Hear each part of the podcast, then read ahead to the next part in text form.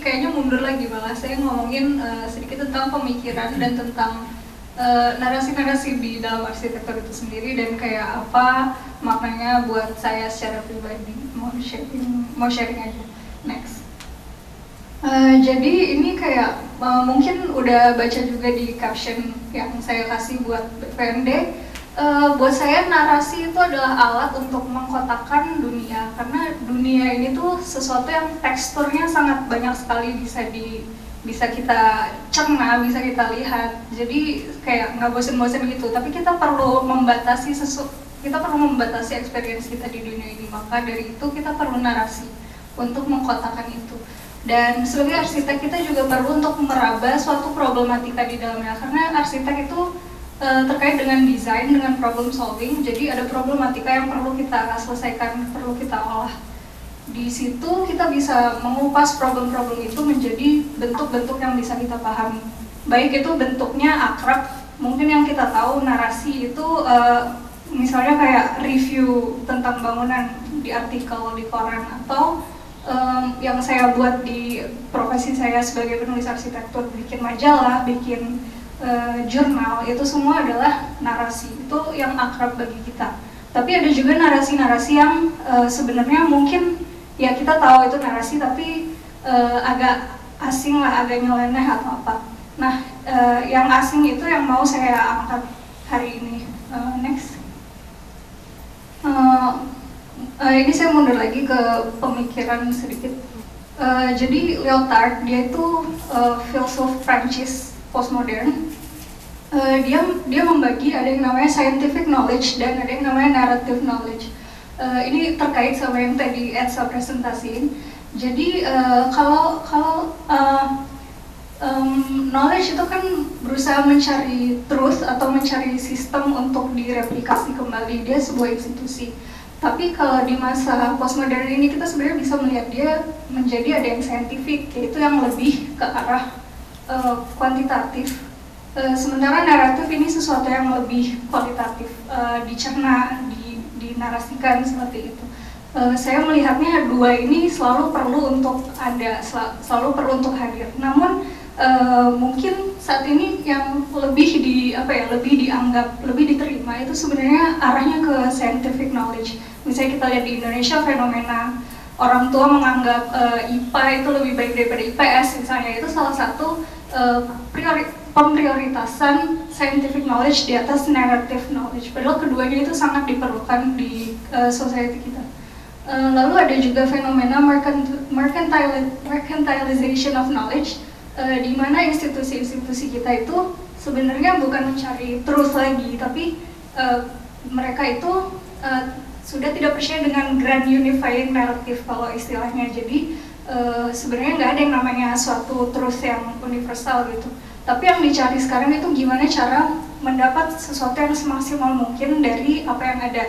Uh, makanya kayak misalnya kita lihat pendidikan kita tuh sekarang kebanyakan, terutama di Indonesia ya, itu kebanyakan uh, ya gimana cara dia bisa fit dengan industri, gimana cara lulusannya siap uh, masuk kerja segala macam. Tapi gimana cara kita mengolah pemikiran-pemikiran original itu sama sekali jarang sekali di uh, di apa namanya di, dibangun gitu deh di orang-orang.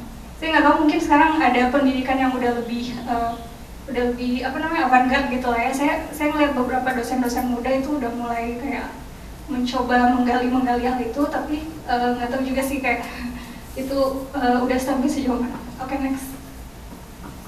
Uh, jadi um, bagi saya uh, mungkin tiga hal inilah gimana saya melihat arsitektur selama ini.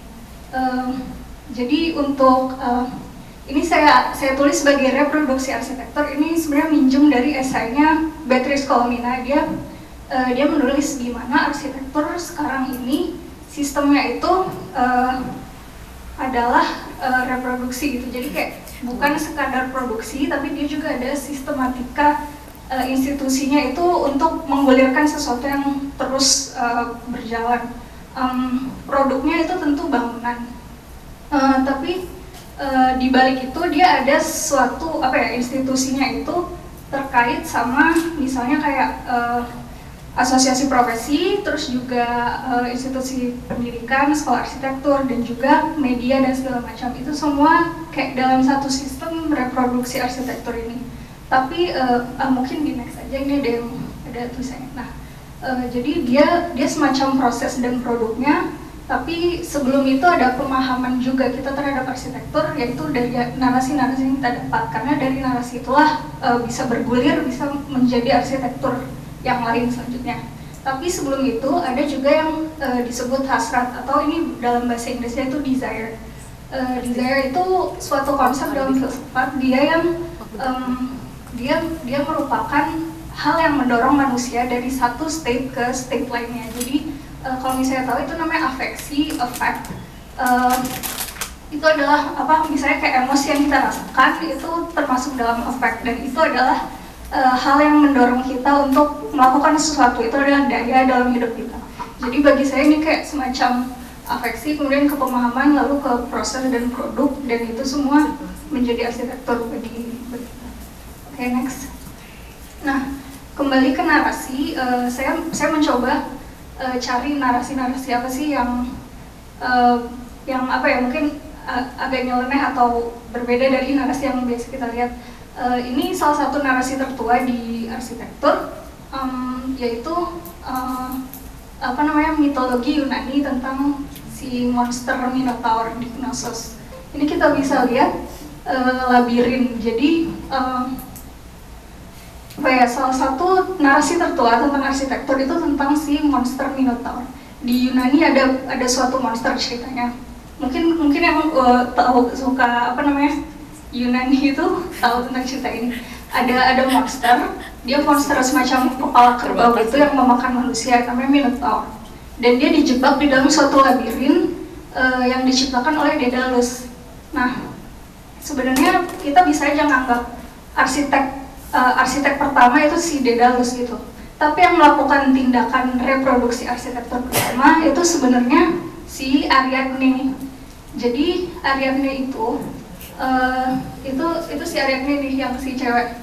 Dia memberi benang se apa namanya se, segumpal benang gitu kepada prajurit namanya Theseus pangeran sih sebenarnya Theseus uh, jadi Theseus ini pegang benang itu kemudian dia mundur melewati labirin membunuh Minotaur terus dia bisa keluar lagi. Sementara Daedalus si arsitek aslinya dia malah nggak paham sama struktur yang dia ciptakan sendiri. Jadi uh, waktu dia dikurung di dalam labirin itu dia nggak bisa kabur sampai dia bikin sayap sama anaknya buat kabur. Daedalus sama Icarus tapi si Icarusnya karena sombong jadi dia jatuh ke laut itu uh, cerita Yunani itu aneh uh, jadi uh, itu bisa dibilang suatu tindakan reproduksi arsitektur pertama karena arsitekturnya bukan cuma dibuat aja tapi di situ ada tindakan e, konseptual dipahami ulang gitu. Sama si Ariadne dengan si segumpalan benangnya itu. Dia gimana caranya arsitektur itu malah bisa dinarasikan lagi di atasnya diselesaikan kembali. Dan itu juga bedanya antara arsitektur dengan hanya sekedar membangun saja gitu. Uh, next Nah terus ini ada yang tahu nggak film apa? ini dari film Hereditary. Uh, itu jujur itu filmnya serem banget. Film horor paling serem yang saya tonton tahun lalu. Wah serem banget. Itu uh, nah ini saya rasa juga apa ya? Yang menarik bagi saya adalah horor itu biasanya sangat melibatkan arsitektur. Um, jadi bagi saya horor itu sebenarnya suatu hasrat juga, suatu pendorong tapi dia di morph dia di bukan dimanipulasi ya pokoknya dia di di apa ya di morph sedemikian rupa sehingga dia menjadi sesuatu yang mengerikan sekali. Uh, kalau misalnya kita kita baca di apa cerita-cerita di forum atau di twitter atau apa cerita-cerita horor itu rata-rata pada sampai ngegambarin denah ruangannya gitu. Dan itu menarik sekali buat saya kayak horor itu sesuatu yang sangat lekat di dalam arsitektur dan bagi saya itu karena itu horor adalah hasrat yang sebenarnya di di putar balikan sebenarnya next. Uh, ini juga The Shining ini juga bahkan uh, hotelnya itu hantunya gitu. Jadi karena hotelnya saking apa namanya saking udah lama ada sampai dia kayak menjadi ada jiwanya sendiri. Uh, next lagi ini juga contoh horor yang sangat arsitektural, pengabdi setan. Kalau misalnya kita lihat yang tadi uh, The Shining sama ini kayak visual visualnya mirip. Jadi kayak agak domestik domestik terus rame-rame gini. Dan itu biasanya ceritanya ada anak kecilnya segala macam. Ada trop-trop yang muncul di sana. Itu juga terkait uh, apa ya pengguna arsitektur yang diputar balikan dalam narasi ini. Next. Nah tapi juga ada horor-horor yang tampilannya udah clean udah apa modern segala macam. Dan ini biasanya uh, horornya tuh terkait dengan science fiction. Ini dari film Ex Machina. Um, dan menurut saya itu juga menarik kayak gimana kita memvisualkan horor yang uh, domestik dengan horor yang kayak kita asing buat kita yang science fiction itu tuh tampilannya udah tampilannya berbeda gitu. Uh, ya menurut saya itu trope-trope yang menarik untuk apa ya untuk kita pikirkan ulang dan mungkin bisa kita uh, dobrak gitu. Next. Nah ini juga salah satu apa namanya eksplorasi terhadap hasrat di dalam arsitektur. Uh, ini punyanya Bernard Schumi, jadi sekitar tahun 70-an dia membuat serangkaian uh, publikasi iklan di dalam arsitektur, uh, tapi isi-isinya tuh nyeleneh banget. Jadi di sini dia dia bilang bahwa untuk mengapresiasi arsitektur secara sepenuhnya, bahkan kita harus mungkin kita perlu membunuh orang. Nah sebenarnya apa yang ingin dia sampaikan di sini adalah uh, arsitektur tuh terkait dengan event-event yang terjadi di dalamnya loh. Bahkan uh, bahkan se ekstrim pembunuhan pun itu itu uh, sebenarnya perlu untuk kita pikirkan gitu. M mungkin yang cara me cara mengalami arsitektur, arsitektur sebelum sebenarnya itu bahkan yang ekstrim-ekstrim seperti ini yang apa yang sangat keluar dari apa yang direncanakan oleh si apa namanya oleh si perancangnya gitu uh, next ini juga uh, sama Shumi juga. Ini dari Manhattan Transcripts. Di sini dia menganggap bahwa uh, arsitektur itu nggak uh, ada yang bisa mere merepresentasikan event di dalamnya. Jadi uh, kegiatan waktu dan ruang itu kan sebenarnya sequential suatu kegiatan yang ada di dalam situ. Tapi uh, arsitektur cuma dibatasi oleh dengan tanpa potongan. Dia nggak bisa menceritakan kayak ini dia juga cerita tentang pembunuhan nih. Dia cerita ada pembunuhan di Central Park. Terus dia tunjukin uh, apa pergerakan orangnya dari satu terus kedua kayak melewati apa pabrik kota seperti itu. Terus ketiga itu yang apa path yang dia lalui segala macam kayak gitu. Um, dan sequence ini uh, cuma memang cuma bisa muncul dalam narasi. Next. Ini contoh yang lebih uh, lebih lebih jelasnya dibanding si Shumi tadi. Ada namanya Chris Ware dia membuat komik tapi komiknya tuh diceritakannya nggak nggak komik sequence pada umumnya. Dia menceritakannya melalui infografis dan melalui gambar-gambar arsitektur sebenarnya ini judul komiknya namanya Building Stories. Sebenarnya dia cuma mau cerita tentang kehidupan lima orang yang tinggal di flat di situ. Kalau salah tuh salah satunya uh, burung atau apa gitu pokoknya hewan. Itu diceritakan juga dari sudut pandang uh, orang tersebut. Ini kan sebenarnya narasinya sangat arsitektural um, dan ya menarik gitu. Untuk kita sebagai arsitek juga sebenarnya memikirkan hal-hal dari segi seperti ini. Next ini juga suatu narasi dari sudut pandang yang lain jadi dia menceritakan kota ini dari sudut pandangnya uh, pencuri gitu. Kalau tadi sebelumnya kan Shumi tuh murderer, murderer pembunuh gitu. Nah ini dia dia cerita dari sudut pandang uh, penyamun gitu. Kalau misalnya kita lihat di film, bahasanya jadul. Kita lihat di film yang apa? Uh, Oceans, Oceans Eight apa sih itu? Eleven, itu kan, ya itulah si Oceans series itu. Dia kan uh, sangat arsitektural ya kayak merencanakan dia ngeluarin gambar kerja segala macam. Dan itulah sebenarnya yang uh, narasi arsitektur yang dialami oleh sisi lain gitu. Ini juga uh, hal yang menarik untuk kita perhatikan. Next. Dan ada juga narasi yang berupa kritik. Ini salah satu blog favorit saya. Ini lucu banget jadi ada uh, di di internet itu banyak orang yang netizen komen lah ya kalau misalnya ada arsitektur. Nah ini dia konsisten komen tentang kayak rumah-rumah gede banget punya orang-orang di Amerika. Kayak dia dia dia merasa rumah-rumahnya tuh eksesif banget nggak perlu dan terlebih dari itu desain desainnya jelek. Jadi kayak dia dia caci habis-habisan ditambahin ini apa di di overlay segala macam jadi sehingga jadi viral. Uh, ini juga ini juga salah satu bentuk narasi yang apa ya terutama sangat menyentuh orang gitu. Jadi kayak bahkan orang yang bukan arsitek pun sangat bisa paham gitu hal-hal kayak gini. Sebenarnya kayak hal-hal yang mengejek gini tuh uh, apa ya sesuatu yang uh, memiliki fungsi penting juga gitu dalam uh, penciptaan arsitektur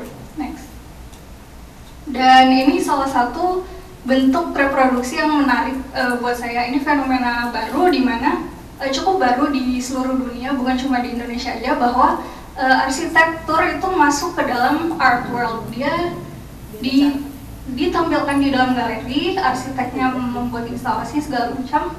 Uh, jadi kalau misalnya di dunia seni itu kan galeri merupakan tempat di mana uh, siapa customer dan produser dari art ini tuh bertemu Sedangkan arsitektur itu kan kliennya user gitu harusnya. Tapi di sini dia dimasukkan ke dalam galeri seni. E, sebenarnya kayak dipakai buat orang foto-foto lah, background foto-foto atau apa. E, dan itu narasi-narasi yang diusung di situ sangat menarik. Misalnya kayak yang paling kiri atas, ini kan di e, Pavilion Indonesia untuk Venice Biennale dua tahun yang lalu kalau nggak salah. Yang kayak dia mencoba mendobrak e, representasi arsitektur yang vernakular yang uh, tradisional tradisional itu aja. Tapi uh, bukan tapi sih. Dan respons dia adalah untuk memurnikan ruang itu. Dia dia berusaha mencari benang merahnya sampai uh, dia kosongin. Dia uh, judul judul instalasinya ini tuh sunyata. Jadi dia mengambil ruang kosong di Indonesia. Uh, pasti udah pada pernah lihat di Instagram atau apa. Uh, dan seperti itulah yang kayak narasi tentang arsitektur Indonesia saat ini karena dia mengusung nama negara kan jadi dia perlu untuk mengambil sesuatu Indonesia gitu. Dia dia sampai di tahap kosong gitu. Indonesia itu adalah ya ruang-ruang kosong yang ada di arsitektur kita gitu. Uh, next.